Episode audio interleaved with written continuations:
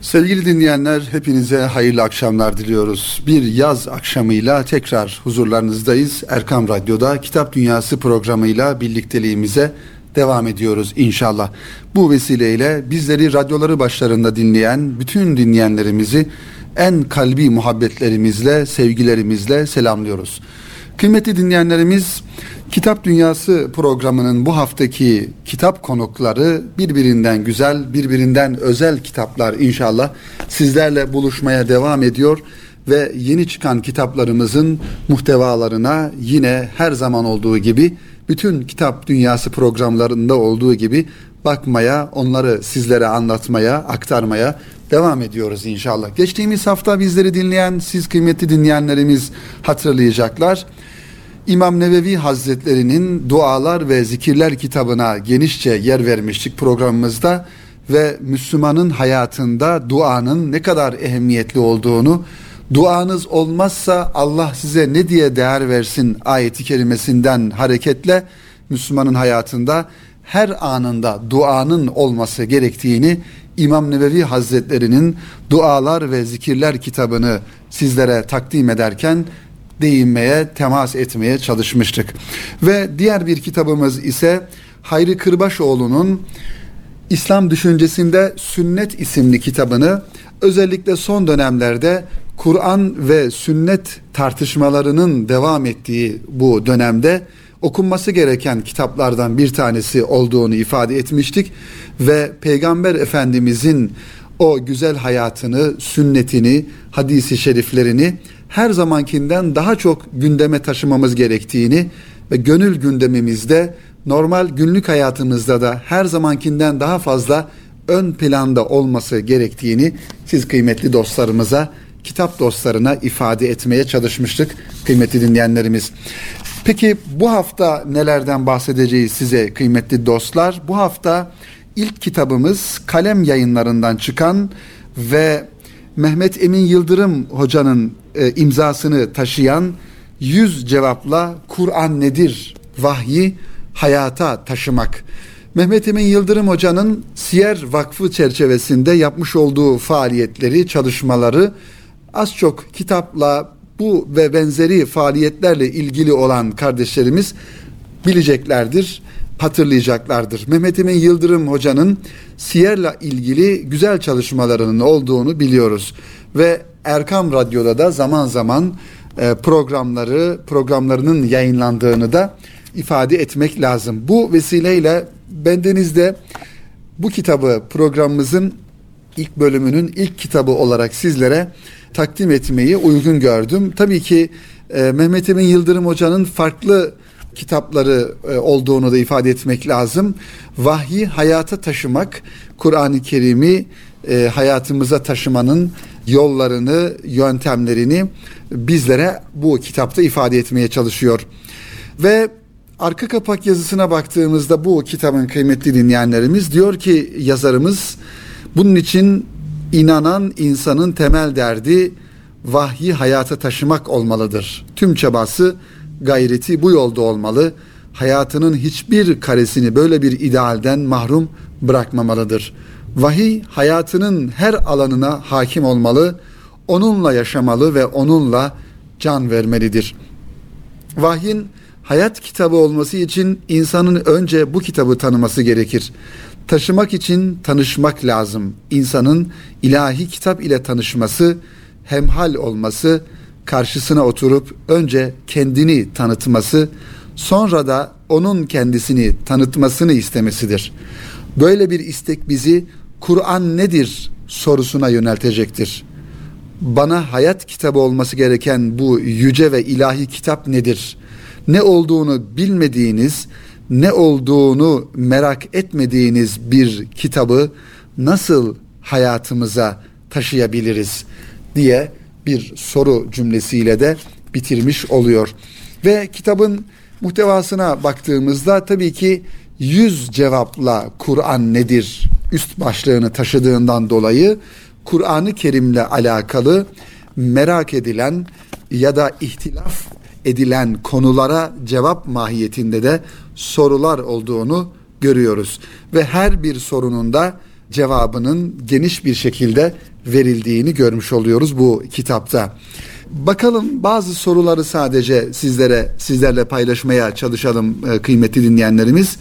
E, sorular bazen mantıklı ve çok isabetli bazen de Kur'an-ı Kerim'le alakalı belki farklı düşüncelere yol açacak şekilde olabilir. Bu çok normaldir. Mesela sadece Araplara değil tüm insanlığa Arapça indirilmiş bir kitaptır. Bunun sebebi hikmeti nedir? Bunun cevabını veriyor. Ve mesela ölmüş sineleri dirilten bir iksiri ilahiyedir diyor Kur'an-ı Kerim için. Mevsimleri olan bir iklimi ilahiyedir. Sadece ölüler üzerine okunsun diye değil, diriler onun müthiş namesiyle yeniden hayat bulsunlar diye indirilmiş bir kitaptır. Merhum Mehmet Akif'in de ifade ettiği gibi inmemiştir hele Kur'an bunu hakkıyla bilin ne mezarlıkta okunmak ne de fal bakmak için. Onun için sevgili dostlar Kur'an-ı Kerim'in asıl muhatabı şüphesiz ki dirilerdir, müminlerdir, insanlardır. Ancak Kur'an-ı Kerim'in bütün insanlara ve özellikle müminlere bir rahmet ve şifa olarak indirildiğini Rabbimiz ayeti kerimede belirttiğine, ifade buyurduğuna göre Kur'an-ı Kerim diriler için büyük bir mesaj taşımasının yanında ölüler için de bir rahmet ve şifa vesilesi kılınarak okunabilir. Ancak birinci derecede muhatap şüphesiz ki insanlardır, dirilerdir Kur'an-ı Kerim'in diye ifadelerimizi de sizlerle paylaşmış olalım inşallah. Ve tabii ki sorulardan başka sorulara baktığımızda iyice anlaşılsın diye 23 senelik bir zaman diliminde peyderpey indirilmiş bir kitaptır Kur'an-ı Kerim. Yani tedricilik usulü gözetilmiş ve insanların, müminlerin, Kur'an-ı Kerim'e inanan insanların Kur'an-ı Kerim'in muhtevasındaki konuları veya sosyal olayları özümsesinler diye, hemhal olsunlar diye, onları benimsesinler diye peyderpey indirilmiştir. Kainat kitabının en güzel, en doğru ve en kapsamlı tercümesidir Kur'an-ı Kerim. İnsanı karanlıktan aydınlığa, ednalıktan yani aşağılık durumdan aliliğe, yüksek, yüksekliğe, esfeli safilinden ahseni takvime taşıyan bir köprüdür Kur'an-ı Kerim. Kendisinin az bir paha karşısında satılmasına hayret eden bir kitaptır ki bu ayet-i kerimelerde de ifade ediliyor kıymetli dinleyenlerimiz. İşte bu ve benzeri sorularla, konularla kıymetli dostlar kitap devam ediyor. Vahyi hayata taşımak. Yüz cevapla Kur'an nedir ismini taşıyan Mehmet Emin Yıldırım Hoca'nın kaleme almış olduğu bir kitap. Kur'an-ı Kerim'i başta tabii ki hayatımıza taşımamız e, gerekirken bunun yanında buna destek olması mahiyetinde Kur'an'ın bir tefsiri mahiyetinde ve Peygamber Efendimizin de hayatı Kur'an olduğuna göre bunu da bu şekilde anlayarak, kavrayarak e, sünneti, hadisi şerifleri, Efendimizin hayatını da hiçbir şekilde ihmal etmeden en güzel şekilde öğrenip hayatımıza taşımamız gerekir. Vahyi hayatımıza taşımamız gerektiği gibi kıymetli dinleyenlerimiz. Bu kitabında bu şekilde bir tanıtımını sizlerle paylaştıktan sonra bir başka kitaba geçiyoruz sevgili dinleyenler. Bu kitabımızda yine Rabet yayınlarından çıkmış bir dönem Profesör Doktor Saffet Köse imzasını taşıyor. Çağdaş ihtiyaçlar ve İslam hukuku. Bir akademik çalışma aslında bu eser. Çağdaş ihtiyaçlar ve İslam hukuku ismi önemli. Kitabın ismi de muhtevası da bu anlamda önemli. Ve tabii ki Saffet Köse hocamızı geçtiğimiz yıl Erkam yayınlarından veya Altınoluk dergisinin 2017 hediye kitabını hazırlayan e, ibadetten kulluk şuuruna isimli kitabı hazırlayan Profesör Doktor Saffet Köse hocamız aynı zamanda bir İslam hukukçusu. Onun kaleminden çıkmış bir kitap Rabet yayınlarından Çağdaş İhtiyaçlar ve İslam Hukuku. Bu İslam hukuku yani İslam fıkı aynı zamanda e, ikisi de aşağı yukarı aynı şeyleri ifade eder.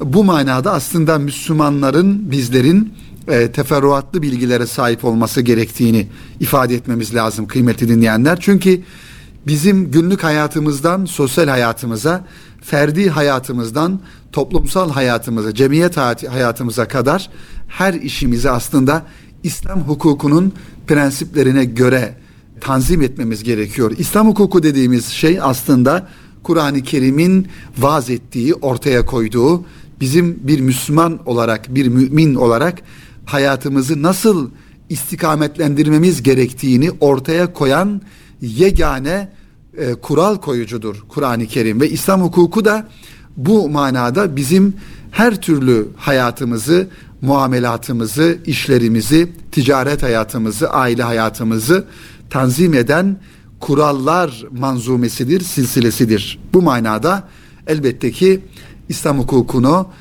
e, illa bir bu işin uzmanı olmamız gerekmiyor. Zaten işin uzmanı olan insanlar e, Saffet Köse hocamız gibi işin daha teferruatını, daha e, ilmi tarafını bilerek bu manada eserler hazırlıyorlar. Ama bir Müslüman ilmihal dediğimiz kitapları e, okuması gerekiyor, bilmesi gerekiyor. İmam-ı Azam Hazretleri fıkhın tarifini yaparken kişinin kendi lehine ve aleyhine olan şeyleri bilmesidir diyor. Onun için en asgari düzeyde bir Müslümanın mutlaka bir ilmihal kitabını, İslam ilmihali, aile ilmihali, bir ilmihal kitabını baştan sona okuması ve baş ucunda bulundurması gerekiyor. İşte bu kitabı da bu manada önemli gördüm ve sizlerle paylaşmanın da faydalı olacağını düşündüm kıymetli dinleyenlerimiz. Diyor ki Saffet Köse hocamız temel esasları Kur'an ve sünnet tarafından belirlenmiş daha sonra da ihtiyaçlar ölçüsünde müştehit hukukçularca geliştirilerek Müslüman toplumların hukuk düzeni olarak asırlar boyunca yürürlükte kalmış bulunan İslam hukuku haklı olarak batıda ve doğuda bilimsel çevrelerin büyük ilgisini çekmiştir. Bu çerçevede onunla ilgili üniversite ve enstitülerde kürsüler kurulmuş, ilmi toplantılar düzenlenmiş, bilimsel periyotlarda inceleme konusu yapılmış ve ortaya çıkışından günümüze kadar birçok eser kaleme alınmıştır. İslam hukuku ile ilgili. Bu ilgi aynı zamanda günümüzde de artarak devam etmektedir. Şüphesiz İslam hukukunun dikkati çeken en önemli yönü kaynağı itibariyle vahye dayanmış olmasıdır. Onun bu özelliği kendisine yaklaşımda olumlu ve olumsuz bakış açılarının odak noktasını oluşturmaktadır.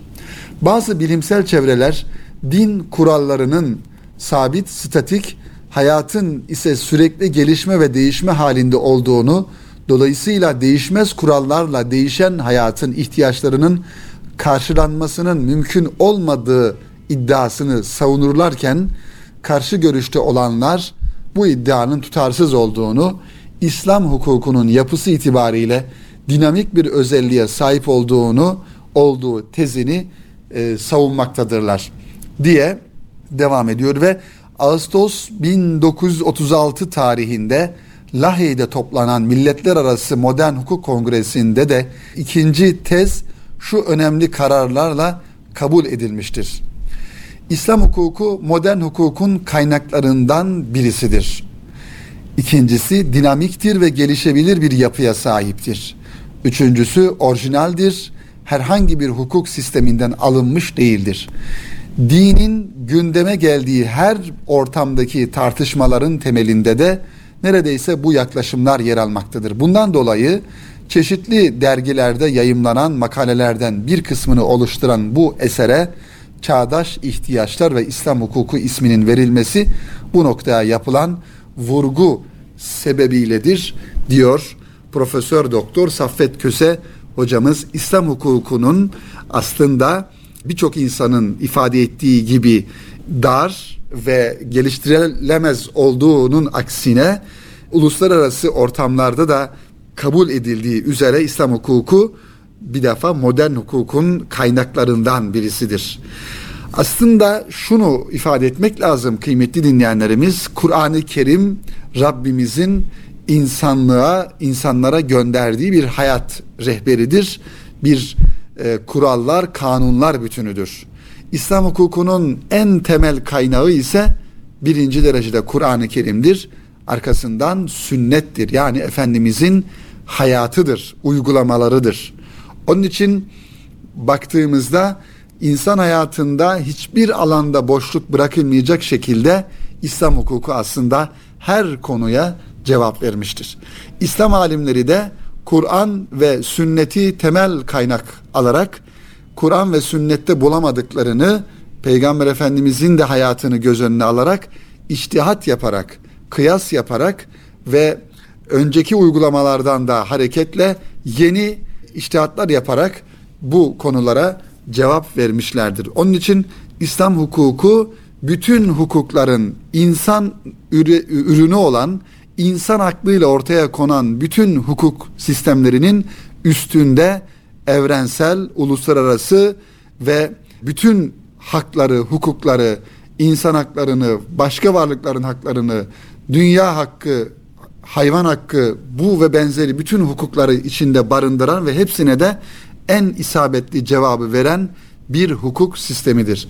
Bu anlamda Profesör Doktor Saffet Köse hocamızın Çağdaş İhtiyaçlar ve İslam Hukuku kitabını da sizlere tavsiye ediyorum kıymetli dinleyenlerimiz.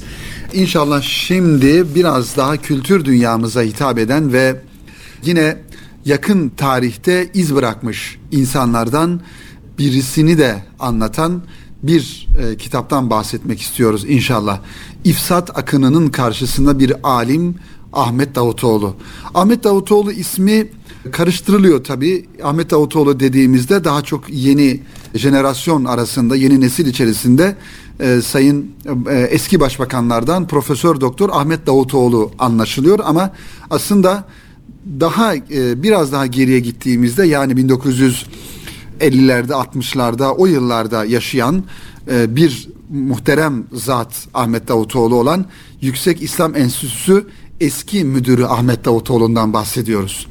Ve Ahmet Davutoğlu Hoca Efendi'nin Hoca Efendi ile alakalı bir kitap Melikşah Sezen imzasını taşıyor ve Kökler yayınlarından çıkmış Ahmet Davutoğlu Hoca Efendi'nin mukaddime, takdim ve takrizleri.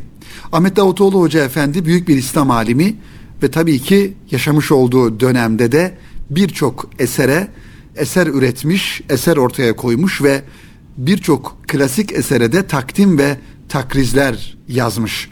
İşte bunları bir araya getirdiği kitabına da Melikşah Sezen bu ismi vermiş. Müslüman Anadolu bir yandan sistemin baskılarıyla mücadele ederken diğer yandan da başta Mısır olmak üzere İslam coğrafyasının çeşitli bölgelerinde zuhur eden dini tamir davasındaki din tahripçileriyle baş etmeye çalışıyordu. Allah Resulü'nden ashab-ı güzin efendilerimiz vasıtasıyla bizlere intikal eden ana cadde olan ehli sünnet yolundan saptırıcı akımlar maalesef ülkemizde de alıcı bulmuş ve mevcut sistem yaptığı tüm baskılara rağmen inancından vazgeçilmediği Müslüman Anadolu halkının itikadını ifsad etmek için mezkur saptırıcı akımların önünü açmıştır. Bu saptırıcı akımlar kıymetli dinleyenler geçmiş tarihte olduğu gibi aslında günümüzde de zaman zaman ortaya çıkıyor ve o ehli sünnet ashabı güzin efendilerimizin arkasından giden saf Anadolu masum Anadolu insanının beynini, aklını, fikrini karıştırmaya devam ediyor. Onun için Kur'an ve sünnet eksenli bir hayatı en doğru kaynaklardan öğrenmekte her Müslümanın boynunun borcudur. Aksi takdirde rüzgarın önünde savrulan yapraklar gibi fikir akımları önünde de bugün böyle, yarın başka türlü, öbür gün başka türlü düşüncelerine kapılır ve kendi mecramızı bulamayız. Onun için bu tür akımlar Cumhuriyet döneminin başlarında olduğu gibi günümüzde de varlığını maalesef devam ettiriyorlar. Evet, bu esen zehirli sam yerine mukavemet eden alim ve mütefekkirler ademe mahkum edilirken zehirli Samyeli'nin Türkiye mümessillerine gazete köşeleri, minberler ve üniversite kürsüleri ardına kadar açılmıştı. Şimdi de öyle değil mi kıymetli dinleyenlerimiz? Aklı selim olarak hareket eden, Kur'an'ı, sünneti en doğru şekilde anlatan hocalara, hoca efendilere değil de maalesef televizyon ekranlarında ne olduğu belli olmayan, hangi kaynaklardan beslendiği belli olmayan insanlara televizyon ekranları açılıyor ve toplumun bizim insanımızın beyni, aklı karıştırılıyor. Bu ifsat akınına karşı mücadele eden ve halkı ana caddede tutmaya çalışan alimlerimizden biri de şüphesiz az önce ifade ettiğimiz gibi merhum Ahmet Davutoğlu Hoca Efendi'ydi.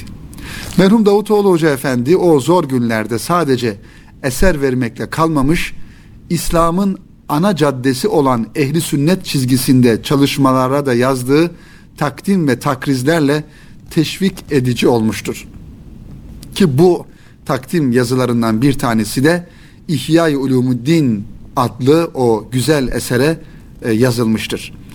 Ülkemizin yetiştirdiği kıymetli alimlerden Ahmet Davutoğlu Hoca Efendi'nin ahirete irtihalinin üzerinden henüz 40 sene geçmişken bu değerli alim hakkında bırakın ona yaraşır eserler üretmeyi ne yazık ki kendi eserlerini dahi tamamıyla neşretmeyi gerçekleştirebilmiş değiliz. Melikşah Sezen'in hazırladığı Ahmet Davutoğlu Hoca Efendi'nin Mukaddime, Takdim ve Takrizleri adlı eser hem Hoca Efendi'yi hem de eserlerini bugünün okurlarını hatırlatmaya vesile olacak nitelikte başarılı bir çalışma. Eser üç bölümden oluşuyor. İlk bölümde Ahmet Davutoğlu Hoca'nın hayatı ve eserlerinin kronolojik bir tasnifi yer almakta. İkinci bölümde ise Hoca Efendi'nin kendi eserlerine yazdığı mukaddimeleri bulunmaktadır. Son bölüm ise Davutoğlu Hoca Efendi'nin merhumun takdim ve takriz yazdığı çalışmalar hakkında kısa malumatlar ile yazdığı yazılara ayrılmıştır. Bu eseri okuyan kimse Ahmet Davutoğlu Hoca Efendi'nin ilmi sahada bıraktığı izi ve onun kıymetini idrak etmeye doğru ciddi bir e, mesafe kat edecektir. Çünkü ömrünü ehli sünneti muhafaza ve müdafaya vakfetmiş bu alimin hangi meselelerle eğildiğini, o hangileriyle uğraştığını, hangi eserlerin yazımının desteklediği, yazımını desteklediği ve takdire şayan bulduğu meskür çalışmanın sayfalarında görülecektir. Tabi tüm bu mukaddime takdim ve takrizlerden istifadeyi arttıracak şekilde emek veren müellif Melikşah Sezen'in dipnotları meseleleri bir kat daha cazibedar hale getiriyor. Eserin en sonunda Ahmet Davutoğlu Hoca Efendi'nin davasının özeti mahiyetinde olan İman Bir Bütündür isimli makalesi bulunmaktadır. Davutoğlu Hoca'yı, hocayı tanımayanlar için eserde de nakledilen Üstad Necip Fazıl'ın taltifi onun hakkında söylenebilecek pek çok müspet sözden daha kuvvetli bir referanstır. Günümüzün seyrek ilim adamlarından ve gerçek takva ve huşu sahibi olduğuna şehadet ettiğim Yüksek İslam Enstitüsü eski müdürü Ahmet Davutoğlu diyor Hoca Efendi hakkında Üstad Necip Fazıl Kısakürek. İşte sevgili dostlar Ahmet Davutoğlu Hoca Efendi'nin ilim e, dünyasına, İslam ilimlerine yapmış olduğu katkıları, tesirleri, öğrencilerini ve onun vermiş olduğu eserleriyle beraber kıymet verdiği, önem gösterdiği eserlerinin de hangileri olduğunu Kökler yayınlarından çıkan Melikşah Sezen imzasını taşıyan Ahmet Davutoğlu Hoca Efendi'nin Mukaddime Takdim ve Takrizleri isimli kitabından okuyabiliriz bu bilgileri, malumatları. Evet sevgili dostlar, şimdi biraz da farklı bir konuya temas edelim. Daha güncel ve daha sıcak bir konu e, ile alakalı yayınlanmış bir kitaba. Geçtiğimiz günlerde Profesör Doktor Mehmet Görmez Hoca Diyanet İşleri Başkanlığı görevinden ayrılmadan birkaç gün önce biliyorsunuz Diyanet İşleri Başkanlığı adına Türkiye'deki FETÖ terör örgütü ile ilgili bir rapor yayınladı. Ve tabii ki raporla ilgili gündem oluştu, farklı değerlendirmeler yapıldı ve Mehmet Görmez Hoca da biz bir öz eleştiri olarak bu o, anlamda geç kaldıklarını ifade etti. İşte belki bu anlamda bizlere bir ufuk vermesi açısından bir kitabı sizlere takdim etmek ve sunmak istiyorum. Kitap SETA yayınlarından çıkan ve Enes Bayraklı Ufuk Ulutaş imzasını taşıyan FETÖ'nün anatomisi adını taşıyor.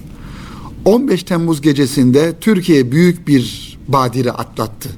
Silahlı kuvvetler içerisinde yerleşmiş Fethullahçı terör örgütü mensubu bir grubun demokratik düzeni yıkarak kendi tahayyülleri ekseninde yeni bir siyasal ve toplumsal düzen kurma hedefiyle başlattığı darbe girişimi milletimiz, siyasi liderliğimiz, darbe karşıtı emniyet güçlerimiz ve medyanın topyekün darbe karşısında durması ile bertaraf edildi.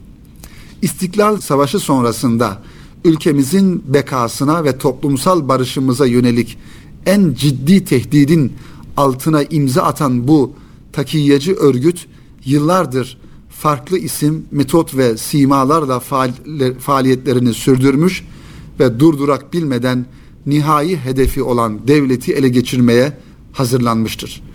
Görünür ve görünmez tüm yönleri ile FETÖ'nün anlaşılması örgütün faaliyet gösterdiği tüm ülkelerin güvenliği için de ciddi önem arz etmektedir.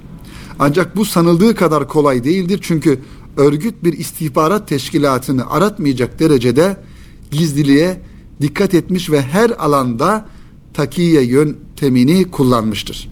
Bu bağlamda gerek 15 Temmuz darbe girişiminin ardından gerekse 15 Temmuz'un birinci yıl dönümünde FETÖ'ye ve darbe girişimi sürecine yönelik birçok çalışma hazırlayan SETA Vakfı tarafından yayınlanan ve Enes Bayraklı Ufuk Ulutaş tarafından derlenen FETÖ'nün Anatomisi isimli kapsamlı çalışma örgütün ilmi açıdan anlaşılması ve anlatılması adına önemli bir boşluğu doldurmaktadır.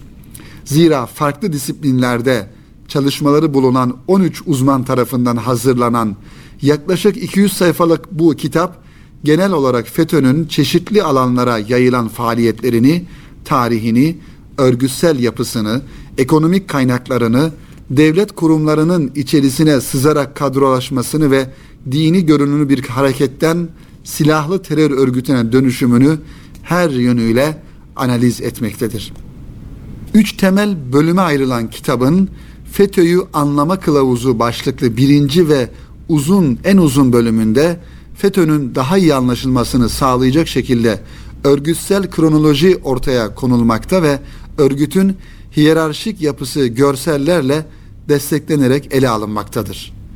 Bir Truva atının hikayesi emniyet, ordu ve yargıda yapılanma başlıklı ikinci kısımda FETÖ'nün yerel bir grup olmaktan çıkıp Türkiye gibi köklü bir devlet geleneğine sahip bir ülkede darbe girişiminde bulunacak kapasiteye nasıl ulaştığı sorusu irdelenmektedir. Kitabın son kısmını oluşturan Fethullahçılık, terör, Mesiyanizm ve Makyavelizm başlıklı üçüncü kısımda FETÖ'nün zihinsel kodları incelenmekte ve masum bir cemaatten terör şebekesine dönüşmesinde bu sapkın örgütün zihin dünyasının etkileri irdelenmektedir. Bu noktada bölüm yazarları Fethullahçı Makyavelizm ve Fethullah Gülen kültü etrafında toplanan ve kendilerine kozmik bir değer atfeden FETÖ'nün mesiyanik düşünceleri üzerine yoğunlaşmakta ve diğer mesiyanik yapılanmalarla arasındaki benzerlikleri tartışmaktadır. Bu dahilde kitabın bu kısmında FETÖ'nün haşhaşilik, Age ve Opus Dei gibi yapılarla benzerliklerine değinilmekte ve bu sayede örgütün felsefi ve teolojik temellerinin anlaşılması çabalarına katkı sağlanmaktadır. İşte bu şekilde bir kitap SETA yayınlarından kıymetli dinleyenler Enes Bayraklı ve Ufuk Ulutaş imzasını taşıyor. FETÖ'nün anatomisi ilgili olan dinleyenlerimize kitap dostlarına da bu kitabı tavsiye ediyoruz. Bu yapının nasıl ortaya çıktığını, geliştiğini, nasıl yapılandığını, felsefesini e, anlama açısından herhalde bir ilmi bakış açısıyla hazırlanan bir kitap. Bunu okumanın da e, lüzumunu ifade edelim kıymetli dinleyenlerimiz. Efendim bu kitabı da sizlere takdim ettikten sonra programımızın e, sonuna gelmiş bulunuyoruz. Bu programda sizlere dört tane kitap e, takdim etmeye çalıştık, tanıtmaya çalıştık. Şöyle sadece isimlerini zikredelim. İlk kitabımız Muhammed Mehmet Emin Yıldırım hocanın e, Vahyi Hayata Taşımak isimli kitabını sizlere aktardık kalem yayınlarından çıkan ve Rabet yayınlarından çıkan Profesör Doktor Saffet Köse'nin Çağdaş İhtiyaçlar ve İslam Hukuku isimli kitabını sizlere aktarmaya çalıştık. Ve diğer kitabımız ise rahmetli Ahmet Davutoğlu Hoca Efendi'nin Mukaddime Takdim ve Takrizleri isimli kitabı Melikşah Sezen imzasını taşıyan bir kitabı sizlere anlattık. Ve son olarak da az önce ifade ettiğimiz gibi SETA yayınlarından çıkan Enes Bayraklı Ufuk Ulutaş imzasını taşıyan FETÖ'nün Anatomisi isimli kitabını da sizlerle bu programın içerisinde paylaşmaya çalıştık kıymetli kitap dostları. Efendim önümüzdeki hafta tekrar buluşmak ümidiyle yeni kitaplarla ve yeni muhtevalarla inşallah sizlerle buluşacağız ve sizleri de kitaplı bir hayatla baş başa kalmanızı e, temenni ediyoruz. Hepinize hayırlı akşamlar diliyoruz. Hoşçakalın efendim.